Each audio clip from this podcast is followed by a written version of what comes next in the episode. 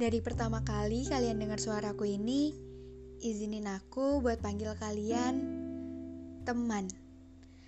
Ya, sebagai seorang teman, jelas aku ingin jadi seseorang yang bisa ngerti keadaan kalian.